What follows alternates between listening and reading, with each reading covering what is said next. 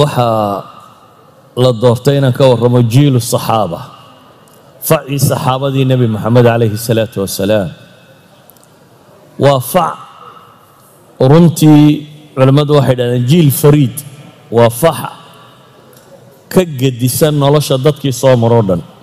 Walidaalik baa culimmada taariikhda rag ka mida waxay tilmaamaan jiilu saxaaba hortoodna wax la mida lama arag bay idhaahdaan gadaashoodna wax la mida lama arag.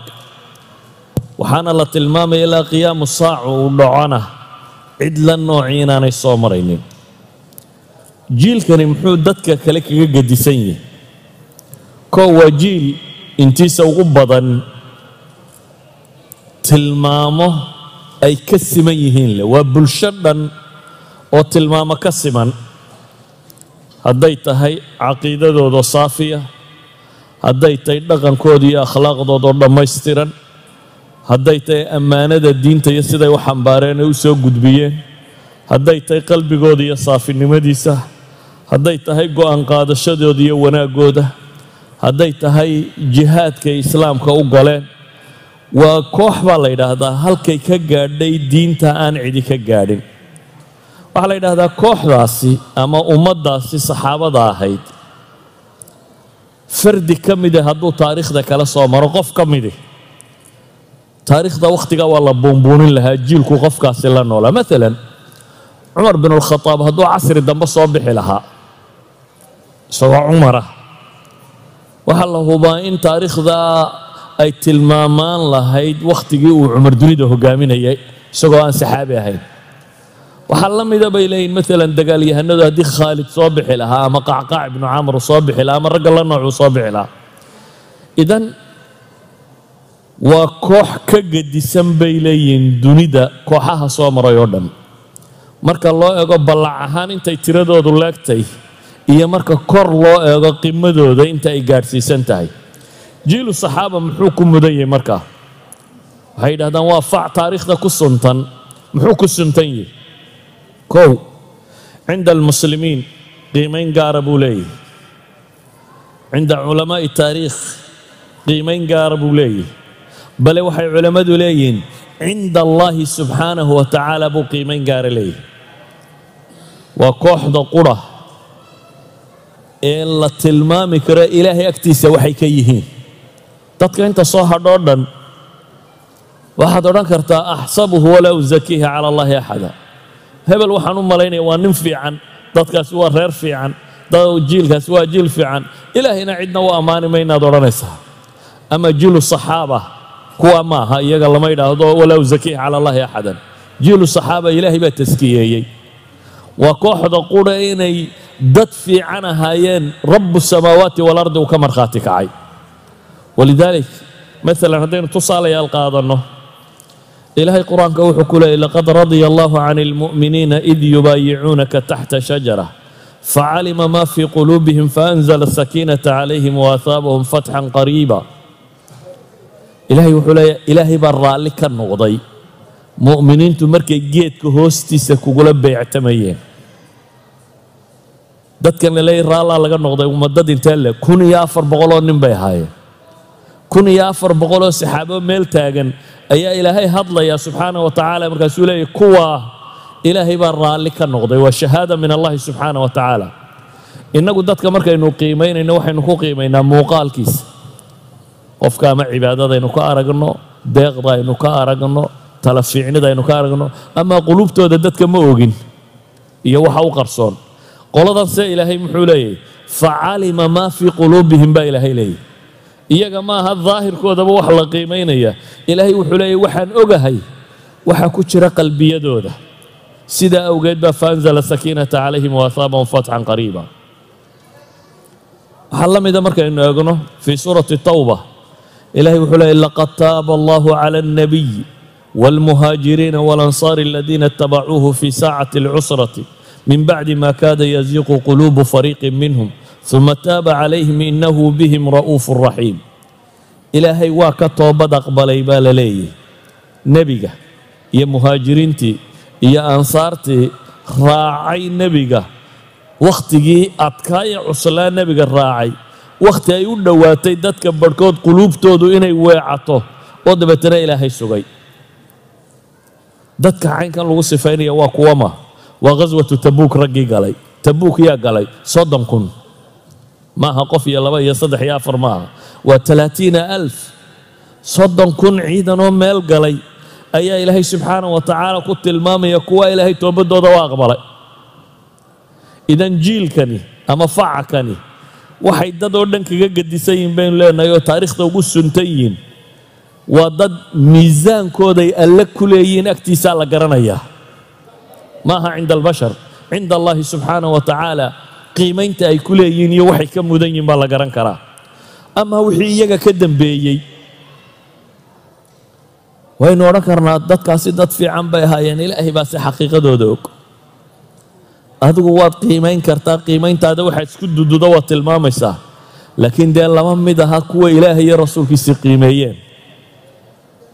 Cid aad odhan karto jannay gelaysaa ma jirto. Dee kuwii ilaahay iyo rasuulkiisu iyagoo dhulka kor socdo layidhi jannaa gelaysaan mooyaane sidaa ogeed ayaa axad culamaa'i taariikh baa wuxuu idhaahdaa jiilu saxaaba mustawahan sare waxay ku gaadheen baan u malaynayaa buu yidhi saddex sababood.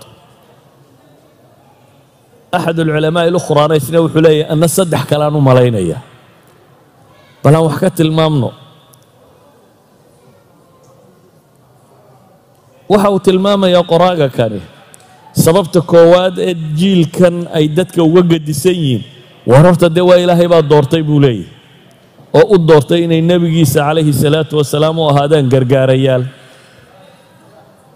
Ilaahay baa doortay oo u doortay buu leeyay bacda rasuulillaahi sala allahu calayhi waaalih wasalam dadka ummadda diinta gaadhsiinaya inay noqdaan. Oo ilaahay wuxuu leeyay wamaa kunna mucadibiina xataa nabcata rasuula. Dadna cadaabi mayno inaanu rasuul u soo dirno mooyaane. Nebi maxamedna waxaynu ognahay calayhi salaatu wasalaam saddex iyo lixdan jir markuu marayay inuu dhintay haddaa dadka dambe yaa u rasuul ah ilaahayna wuxuu leey wamaa kunna mucadibiina xataa nabcata rasuula. Ammaanadaasi waxaa qaaday saxaabadii nebiga calayhi salaatu wasalaam alasla alculamaa warithatu alambiyaa laakiin kuwa kani waa kuwii intay nebiga ka soo rareen calayhi salaatu wasalaam bini aadamka soo gaadhsiiyey. Waxaad garan kartaa cidda ilaahay ammaanadaa ku aaminay ee ciddii koowaadee nebi maxamed ka qaaday inaanay dad beenaalayaala iyo dad wax khiyaameeya iyo nooca kan inaanay marnaba noqonaynin. Sabab labaad bay tilmaamaan. Oo jiilkani ama facakani uu dadka kaleo dhan kaga gedisan yahi waxay idhahdeen wuxuu kaga gedisan yahay taraakum alkhibraat bay idhaahdaan waa fac ka khibrad gedisan dunida inteeda kale. Maxaynu uga jeednaa khibradda tan kow waxaynu leenahay waxay arkeen nebi moxamed calayhi salaatu wasalaam innagu agteenna waxa ku weyn. Qofka muslimka intuu seexda yidhaahdaa nebigii baa riyo ku arkay agteenna wuu ku weyn yahay. Nebigaana weyneeyey calayhi salaatu wasalaam oo tilmaamay shaydaanku iskuma kay matalo qofkii riyo igu arkaa wuxuu la mid yahay inuu i arkoo kale. Waman ra'aanii fi lmanaami faqad ra'aanii faina ashayطaana laa yatamahalu fi suurati. Man ra'aanii fi lmanaami fasayaraanii fi lyaqda walaa yatamahalu shayطaanu bi man ra'aanii fi lmanaam fakaannama ra'aanii fi lyaqda kul hadihi alaxaadiid oo bukhaari warinayo waxa uu nebigu ku tilmaamaya calayhi salaatu wasalaam ninka riyada igu arkaa ee ku arka sifadiisii uu lahaa waa sababta aynu u baranno shamaa'ilu moxamed calayhi salaatu wasalaam nebiga dherarkiisii iyo midabkiisii iyo ballaciisii iyo timihiisii iyo waxaasaa kutub alxadiid lagu dhigtaa maxaad u dhiganaysaa si aanu kaa qaldamin hadhow riyada markaad aragto haddaad calaa suuratihi ku aragto fa huwa huwa shaytaanku iskuma tamatulo ama haddaad dee nin madoowo meel maraya aragto inaan rasuulka yahay waa la garanayaa. Ilaa nebi maxamed calayhi salaatu wasalaam nin madow ma ahayne. Idan sifaadkiisii haddaad ku aragtay waxaad la mid tahay inaad aragto. Innaga markaa agteenna waxa weyn ninka intuu seexdo ilaahay uu waafajiyo inuu nebi moxamed calayhi salaatu wasalaam riyo ku arko. Ka warranka maalin walba toban jeerarka iyagu ka soo horbaxayay isagoo rumaysan oo muslima oo ilaahay yaqaana maalin walba ka soo horbaxaya ee xaqiiqatan u arkayey markaan leenahay xaqiiqatan u arkaya wax badan baa ku hoos ladhan mar kale aan wax ka tilmaamay. Qodobka labaad waxaynu tilmaamaynaa ay saxaabadu dadka kaga gediseen waxay ahaayeen dad qur'aanka la nool. Ereygaa u fiirso. Innagu waxaynu maqalnaa asbaabi nusuul aayadda tani waxaya waxaasaa dhaco waxaasay ku soo degtay. Waxaya waxaasaa dhaco saasay ku soo degtay. Laakiin iyagu way la noolaayeen. Waxaad sawirataa. Gabadhii muslimadda ahayd ee odaygeedii muranku dhex maray ee uu dihaaray ee ilaahay u ashtakootay ee ilaahay ashtakadeedii ka soo jawaabay. Gabadhaasi qur'aankaa markay akhriyayso siday u akhriyaysa iyaduu ku soo degay iyadaa ashtakada samaysay dabeetana ilaahay iyadu qadiyadeedii ka warramay. Qad samica allahu qawla alatii tujaadiluka fii zawjiha watashtaki ila allah. Wallahu yasmacu taxaawurakuma in allaha samiicun basiir. Gabadhaas maxay dareemaysaa? Marka qad samic iyadoo akhriyayso ay salaad ku tukanayso wuu kala gedisay adiga in lagaaga sheekeeyo gabadh bay ninkeedii isqabteen dabeetana qur'aan baa ku soo degay iyo inay taagan tahay tii qur'aanku ku soo dego iyadoo akhriyayso oo iyadu ilaahay u ashtakootay oo dabeetana ashtakadeeda ilaahay aqbalay waxaa la yidhahdaa cumar binulkhadaab oo iyo ciidan soconaya meel soo maray dabeetana islaam buu ku soo baxay islaamtu wuu isla taagay markaasay wax u sheegtay warkiisii buu dhegaystay ayuu dhegaystay warkeedii markaasay ku yidhaahdeen naasa amiiru lmuuminiin bay leehay xabasta annaasa calaa hadihi alcajuusa. Dadkii ma habartan baad u joojisay. Yacni dadkii waxay necbaysteen dadkii dhammeeye soconaya islaan la hadalkeeda inuu cumar isu taagay. Cumar baa wuxuu ku yidhi waylak maga ogti intani tay tahay? Markaasaa la yidhi maya. Markaasuu yidhi waa tii ilaahay fowqa sabci samaawaat ashtakadeeda ka aqbalay waa khawlata bintu thaclab buu leeyahy waa gabadhay ku soo degtay. Qad samica allahu qowla alatii tujaadiluka fii zawjiha ay ku soo degtay. Ilaahay baan ku dhaartay buu leeyahy hadday ilaa iyo caawa ay tidhaahda taagnow salaad waxaan ahayn ugama dhaqaaqayna waan u taagnaan lahaa buu leeyahy yacni markaynu qur'aanka mafhuumka markaynu u dhigno qof walba ilaan qur'aankani meel cidlaa kuma soo degin raggan iyo dumarkan meesha joogu ku soo degay iyaga ama lagu saxayay ama lagu tawjiihinayay ama wax loogu tilmaamayay yasaluunaka can ilanfaali qul ilanfaalu lah waa kuwan taagan.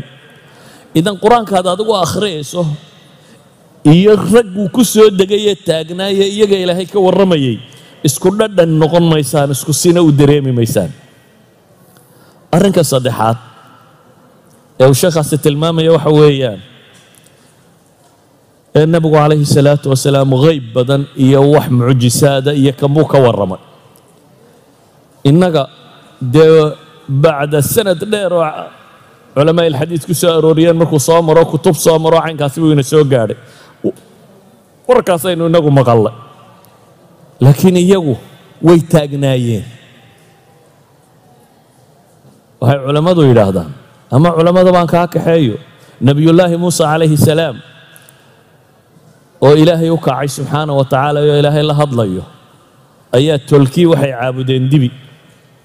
Dabeetana waxaa la soo siiyey kitaab alwaax ku qoran. Waxaa loo sheegoo ilaahay uga warramay nebi muuse dadkii inay caabudeen maxay?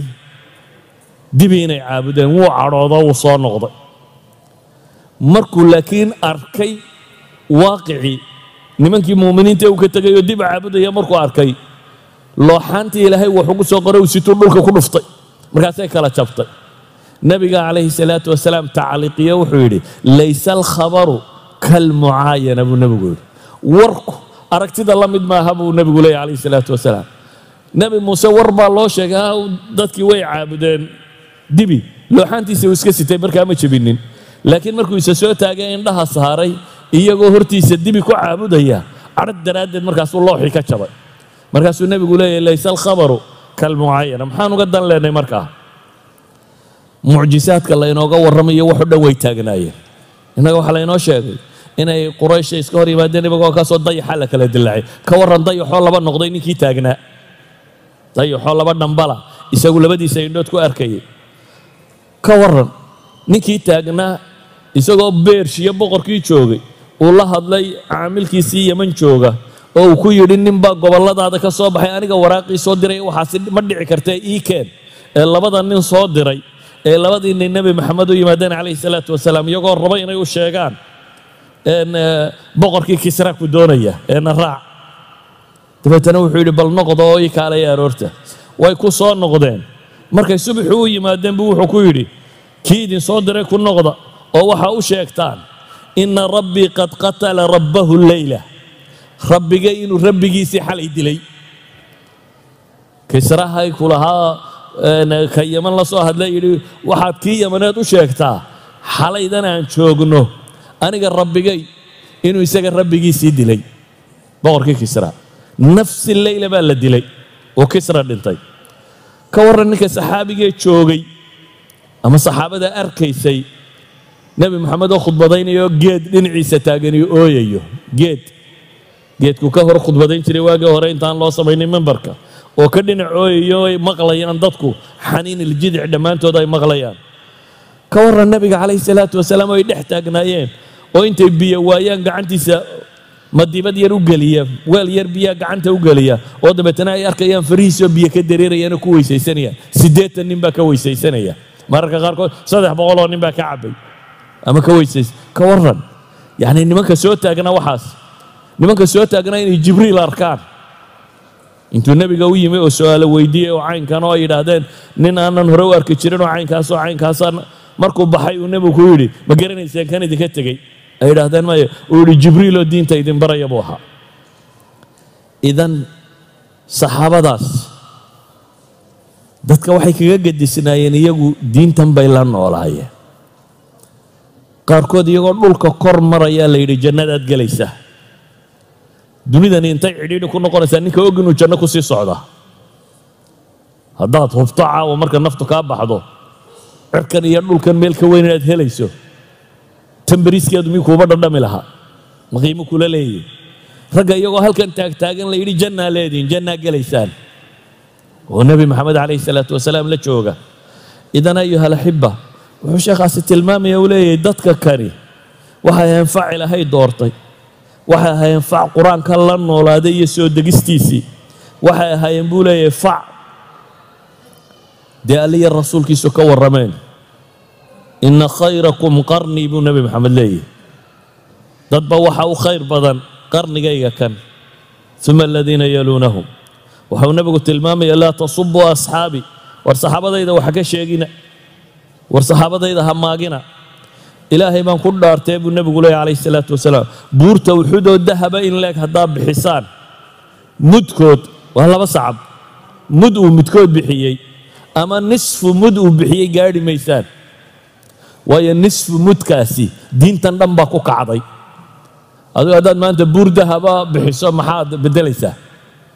Diintan dhan ee ilaa qiyaamu saaca taagnaan doontaa mud iyo nusmud ay nimankani bixiyeen bay ku taagantah marka laga yimaado dhiiggoodii iyo naftoodii hantidooday ku taagantay hantidooduna waa maxay?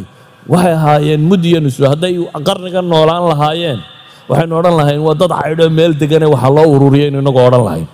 Markaad noloshooda la sifeeyo siday ahayd. Saa daraaddeed jiilkaasi jiil mudan buu ahaa. Ilaahayna markuu leeyahy kuntum khayra ummatin ukhrijat linnaas. Iyagaa marka hore lala hadlaya iyagaa kow ka ah waxaa kuugu filan in ilaahay qur-aanka ku leeyahy والسابقون الأولون من المهاجرين والأنصار والذين اتبعوهم بإحسان رضي الله عنهم ورضوا عنه وأعد لهم جنات تجري تحتها الأنهار خالدين فيها أبدا ذلك الفوز العظيم kuwii soo horu maray ee horreeyey ee muhaajiriin iyo ansaar haya wixii raacay ilaahay baa raalli ka noqday baa la yidhi iyaguna allay raalli ka yihiin.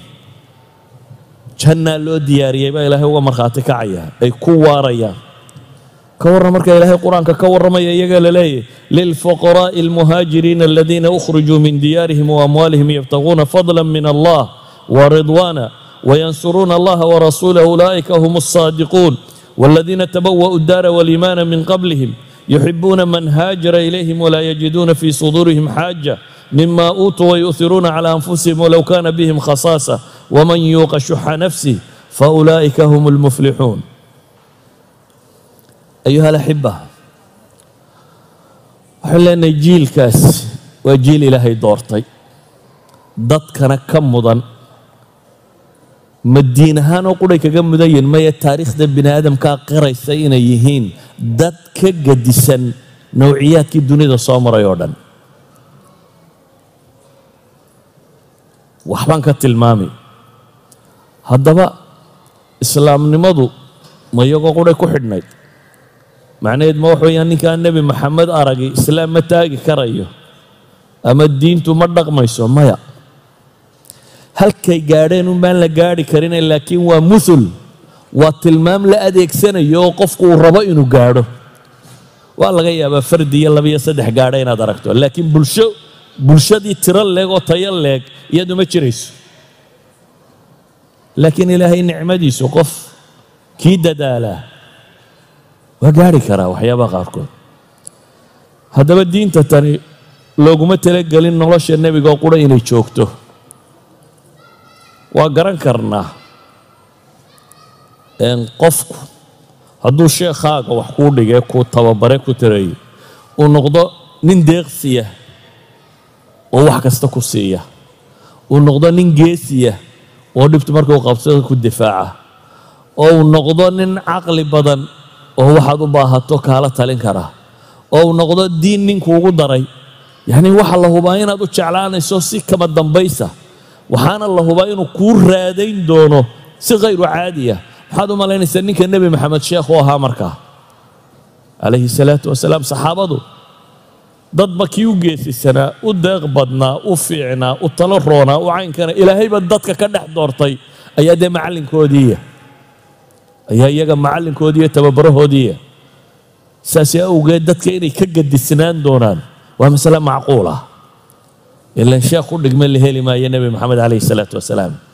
Laakiin taa macnaheedu ma aha inaan islaamnimada la soo celin karin inaan qur'aanka iyo sunnaha la tabaqi karin inaan xadkii ilaahay uu inoo dejiyey la gaadhi karin marnaba macnaheedu ma aha. Wa ilaa dee diintu may noqoteen diintii u dambaysay ilaa aakhiru zamaanka loogu talagalay. Haddaba waxaynu isweydiinaynaa markaynu ka nimaadna qimada sare. Aan nimaadna halkooda ugu hooseeya. Waxa keenay inay halkaa hoos uga dhici waayaan. Maxay tahy waxay culammada qaar leeyihiin laba sababood ama saddex sababood baa keenay meeshan inay gaadhaan. Kow midi waxa weeyaan bay leeyihiin masdaru talaqi xaggay wax ka qaadanayeen.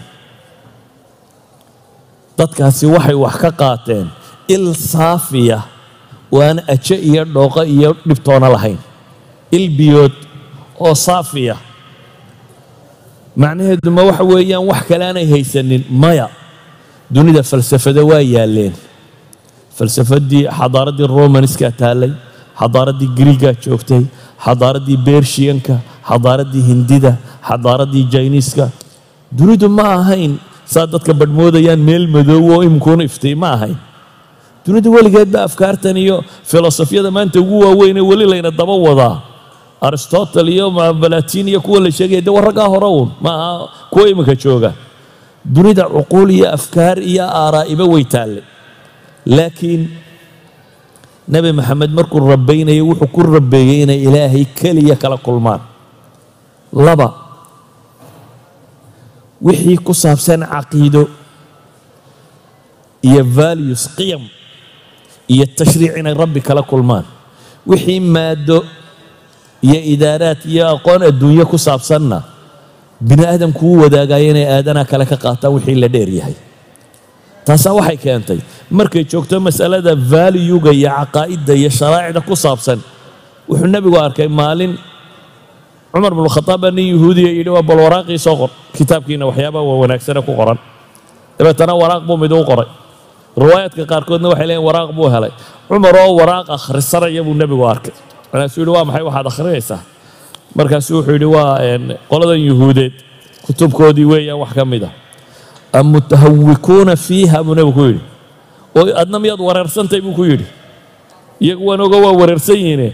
Adna ma mutaxayir adna miyaad wareersantay? buu ku yidhi. Waar waxaan idinla imi buu nebigu leeyahy baydaa'a naqiya diin baan idinla imi cad oo saafiya. Ilaahay baan ku dhaartay buu nebigu yidhi. Hadduu nebi muuse noolaan lahaa kitaabkii towraad oo la qalqalday oo la inxiraafiye iska dhaaf. Nebi muuse hadduu noolaan lahaayo maanta joogi lahaa uma bannaanaateen inuu aniga i raaca mooyaane wax kale buu nebigu leeyahy calayh isalaatu wasalaam. Walidalik buu nebigu wuxuu tilmaamayaa nebi baa soo degi doona isaga dabadi. Nebiyullaahi ciise oo cirka la qabadsiiyaa iman doona laakiin muxuu raaci doonaa? Sharciga nebi maxamed raacaya.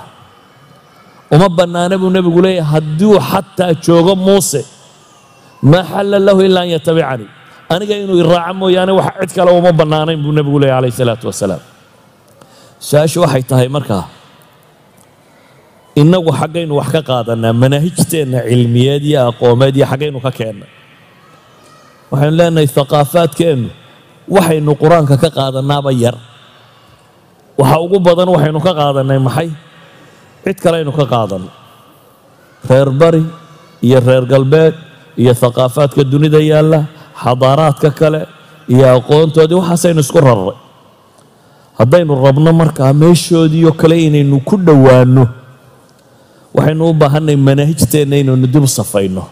Min ayna natalaqi xaggaynu kala kulmaynaa diinka xaggaynu caqiidada ka qaadanaynaa xaggaynu valuega ka qaadanaynaa. Waxaynu kaloo u baahannay xataa waxaynu akhrinayno xataa turaadka islaamiga ayaa tasfiya u baahan israa'iiliyaad badan iyo wax daciifa iyo khuraafaad badan baa la qoray. Xataa kaas baynu u baahannay inaynu hubinno. Inaynu hubinno oo ku hubinno ma yahay qur'aankii alla soo dejiyey. Tafsiirkiisani tafsiir saxa ma yey waxaanaad sheegaysaa xadiidkii nebi maxamed oo saxiixa ma yey mise wax wadaad iska sheegay idan awal khudwa aynu u baahanay waxa weeyaan meeshaynu wax ka qaadanaynaa inay saafi noqoto. Haaniyan mar labaad waxaynu leenahay oo innagu meeshoodii u gaadhi weynay manhaju talaqigaa kala gedisan.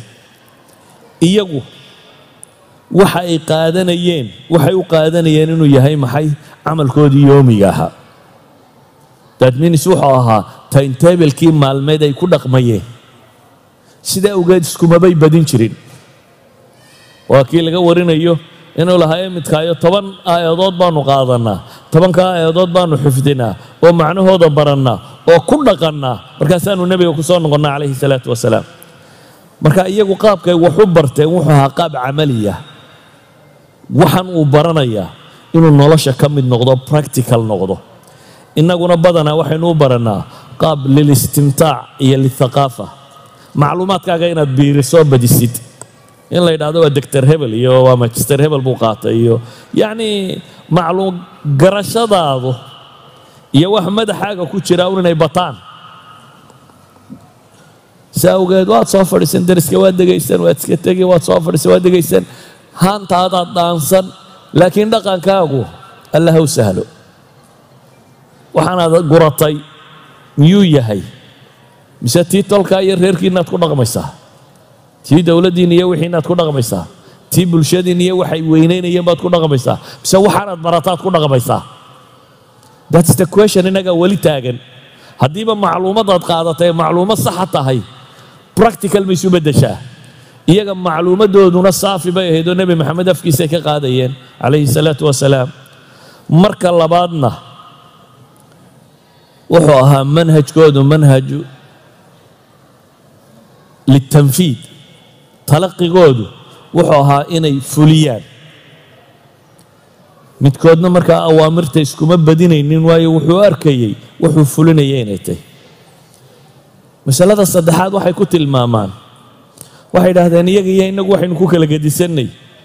Iyagu qofkoodu markuu islaamo wixii ka horreeyey o dhan shakuu ka qabay saa daraaddeed wax kasta uu jaahiliyadiisii samayn jiray wuu iska hubin jiray in islaamka la ogolyahay inaan la ogolayn ilahay rasuulkiisa saas sax ma tahay saama la ogolyahay innaguna wixiina waad baranaysaa waxaaga horena waad ku raraanaysaa iyagu waxay leeyihiin wuxuu ahaa koodu attakhalli qabla taxalli bay yidhaahdaan. Inuu iska rogo wuxuu sitay oo dhan inta aanu marada nadiiftaa gashan. Haddaad dhar cusub soo qaadato maxaad u baahantay? Haddaad maanta oo dhan soo shaqaynaysay oo aad xamaal ahayd ama waddada dhisaysay ama kan dee boodh iyo siiga midhan baa tahay laba dharoo cusub markaad soo iibsato ma adigoo waxaagii sitaad ku jufi mise horta intaad xamaamka gashaad intaad isnadiifiso ayaad dharkaaga fiican xidhan doontaa loojigu wuxuu keenayaa intaad isnadiifiso inaad maxay dharkaaga kala xidhato saasay ahaayeen dad minis markay islaamaan wixii hore ay haystay way ka tegayeen waxay u baxayeen inay qaataan waxa cusub ee diintu ay sheegaysay. Taasaa waxay ka dhigtay jiil ama fac ama koox taariikhda bini aadamka mudnaan gaara ku leh. Tusaalayaal baan idin siinaya haddaba mudnaantooda tilmaamayay dunidaynu maanta joogno waxaa la yaqaanaa. Ama sidii ibnu khalduun iyo ay qori jireen waxaa la og yahay. Dadka xadaaraadka maadiga ee sarreeya leh inta badan inay dadka kala jebiyaan mentale u jebiyaan. Saxaabadii nebi maxamed waxay iyagu isu arkayeen maadaama macallinkooduna nebi maxamed yahay calayhi salaatu wasalaam warkay xambaarsayiin ay rumaysayiin inuu ilaahay toos uga yimi. Dadka inta hadhay inay iyagu macallin ugu yihiin baabkan. Waxay rumaysanaayeen nebi maxamed calayhi salaatu wasalaam afkiisa inay ka qaadeen warkanina inuu ilaahay ka yimi. Saa daraaddeed dadka inta kale waxay u arkayeen. Marka ay joogto valueska iyo caqaa'idda iyo sharciga markay joogto inay iyagu yihiin dadkii dunida waxbari lahaa markayse birta iyo maadadda iyo waxa kala joogto inay dadka kala mid yihiin oo ay ka qaadanayaan. Markay muslimiintu dagaalada bilaabeen futuuxaadkoodii ayay bershiya istileen. Bershiya waa dowlad qadiim ah waa dowlad muddo soo jirtay. Waa dowladdii jebisay markaa dowladdii romaniska ahayd. Waa dowlad kaljar maamul leh oo kala dambayn leh oo ciidamo leh. Waa dowlad xadaaro leh oo haqaafo leh. Waa dowlad qaab maamul leh. Muslimiinta markii dagaalku cabbaar socday ayay waxay damceen inay wadahadal la furo. Wadahadalkii waxay codsadeen in loo soo diro cid muslimiinta ka midoo ay wada hadlaan. Ninkii boqorka markaa haystay ee ciidamadan hogaaminaya wuxuu ku talagalay nimankan inuu jebiyo.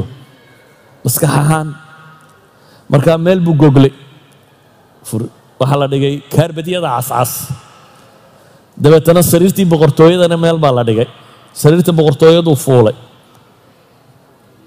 Saxaabi saddex saxaabi mid baa loo soo diray. Markaasuu la hadlay wuu noqday. War bal mid kale ii soo dir buu yidhi. Mid labaad baa loo soo diray wuu noqday. War bal mid kale ii soo dir buu yidhi. Mid saddexaad baa loo soo diray. Saddex saxaabi baa kolba mid u yimi. Xudayfa iyo mugiirat bnu shucb iyo ribciy ibnu caamir. Saddexdaba saddex qisoo cajiibu kala kulmay laakiin mid un baan u socdaa. Ribciy ibnu caamir baa u yimi. Waa nin intaa dagaal ku soo jiray marya haylhaylan iska wata faras yaroo gaaban wata hubkiisii iska xidhan soo galay dabeetana waxay idhahdeen hubka dhig madaxda loolama tagee. Dee madaxda anigu uma imana isagaa ii yeedhay buu yidhi. Haddaan rabtaana saydaan ugu tegay haddii kalena iska noqon. Waa loo sheego waxaa la yidhi ninkii saasuu leeyahy bal soo daaya buu yidhi. Wuu soo socday. Kaarbadku iskaga soo dul socday faraskiisii yaraa ee gaabnaa. Dabeetana barkin barkimooyinka ka miduu ku xidha. Dabeetana wuu soo galay.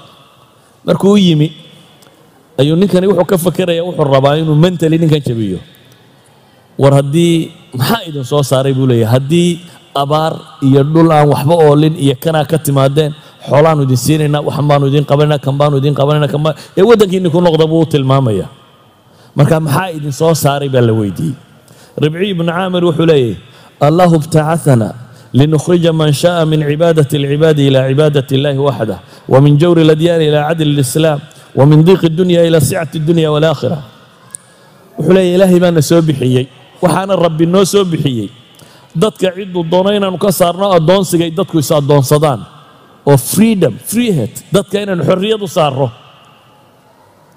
dadka inay xor ka noqdaan bini aadamku inaanu is addoonsanin baana loo soo bixiyey buu yidhi ilaahay oo qudha in dadku addoommo u wada noqdo waxaanu baxnay buu yidhi inaannu dulmiga diimuhu dadka ku hayaan ka saarno cadaaladda islaamka u bixinno.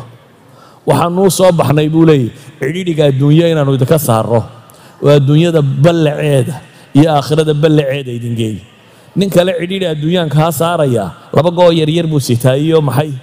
Faras yaroo gaaban u ustaa ninkuu cidhidhiga adduunyo ka saarayaana waa ninka kan meel kasta gogladay laakiin wuxuu arkayaa bimanduurihi maca haada waxaasoo dhan uu haysto inuu cidhiidhi ku nooliyey marka waxaan kaa saarayaa buu leeyay cidhiidhiga adduun oo waxaan kuu saarayaa maxay? Ilaa sicatiha faariqa maadiga u dhaxeeya intuu leekaa. Laba masalaan idiin tilmaami.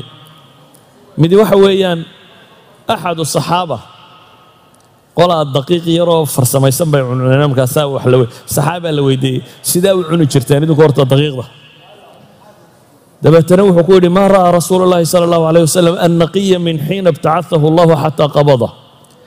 Ilaahay rasuulkiisu daqiiqdan saafiga ah yacni markii la tumay la farsameeyey deetana la shaandheeyey deetana budadoo qudha noqotay. Daqiiqdaa budadee keliya ah nebi maxamed ishiisaba ma saarin buu yidhi sidii ilaahay u soo diray. Daqiiq saafiyaba nebi maxamed ma arag.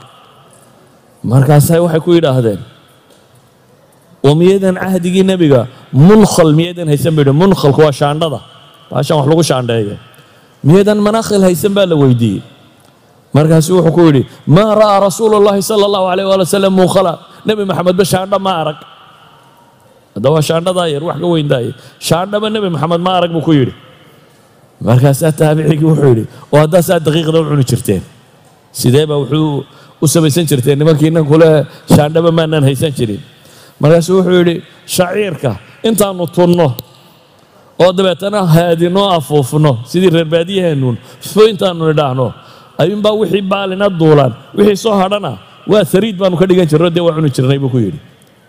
Yacnii raggan dunida sicadeeda dadka u sheegaya shaandhada daqiiqda lagu shaandhaysta maanan arag buu leeyahy. Alimaam ibnu jariir atabari wuxuu soo aroorinaya waxaa ka soo naqlinaya sheekhi nadawi annadawi. Baa ibnu jariir atabari wuxuu ka soo naqlinayaa muslimiintu markay madaa'in furteen. Madaa'in waa caasimaddii markaa looga talin jiray dowladdii beershiya lo odhan jiray. Caasimadda markay furteen gurigii boqortooyada qusuurta markay soo galeen dee wixii alaab taallay ka kaalay? Waxay arkeen buu yidhi daqiiq noocyaadkaas ah oo si khafiifa loo sameeyo meel saaran. Dabeetana manaadiil bay moodeen buu leey faraha iska mariyeen. Waa saxaabadii. Wuxuu tilmaamayaa yacnii faahashan farsamada lagu sameeyey inaan weligoodba arag. Saa daraaddeed in iyagu fara iska maris moodayeen. Wuxuuna fara iska maris maahe waa maxay? Waa cunno. Ragga sidaa u soo galeen meeshaasi caynkaa ahayd. Haddana waxay rumaysanaayeen inay iyagu usaatidada yihiin inay iyagu kuwii mabaadi'da iyo caqaa'idda iyo diimaha sheegaya inay iyagu yihiin. Ama innaga maanta markaynu aragnay mucطiyaat alxadaara algharbiya technolojigan galbeedka yaalla waxaynu bilownay oo su'aashan ay dib u noqotay sidee baynu manduumadeennii valueskii qiyamkii iyo caqaa'iddii wixii aynu sharcigeen iyo wixii aynu sidanoo dhan see baynu u waafajin karnaa tana u raacsiin karnaa innagu markaa iyaga wax bari mayno ee teeni baynu rabnaa inaynu idhaahno qiraa'a jadiida.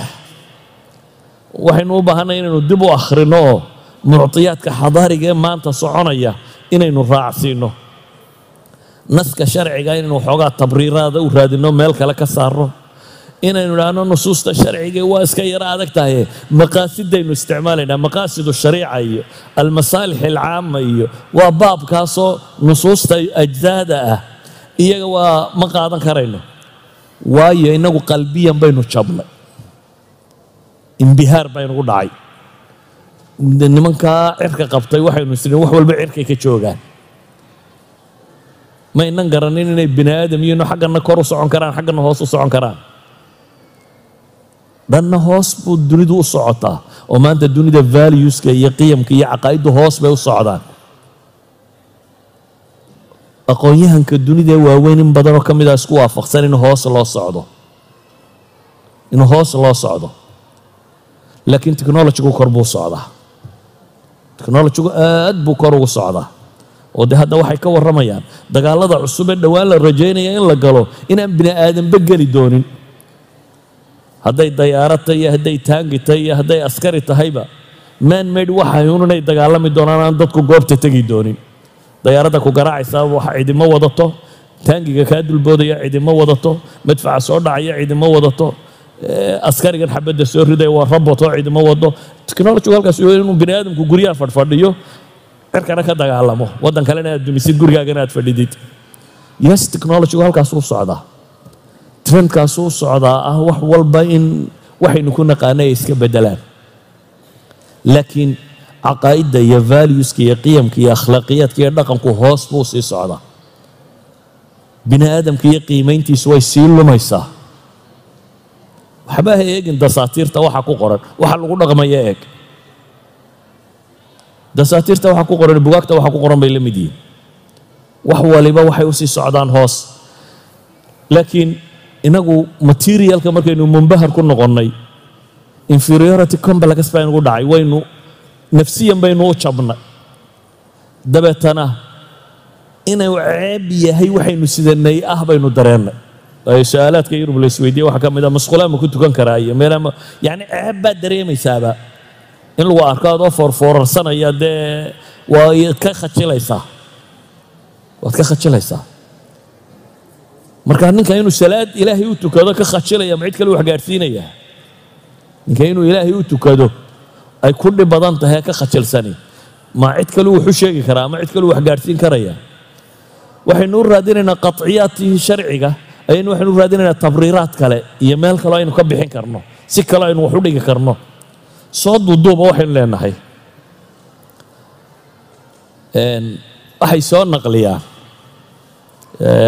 ibnu taymiya ibn alqayim iyo kitaabadoodan ay nimanka kristanka kula doodayaan ama diimooda kaga warramayaan iyagoo dooda qole la gelayo ay qolada yuhuudeed leeyihiin waxaanu ama ahlu kitaabku ay leeyihiin waxaanu ictiraafsannahay maxamed inuu nebi ahaa.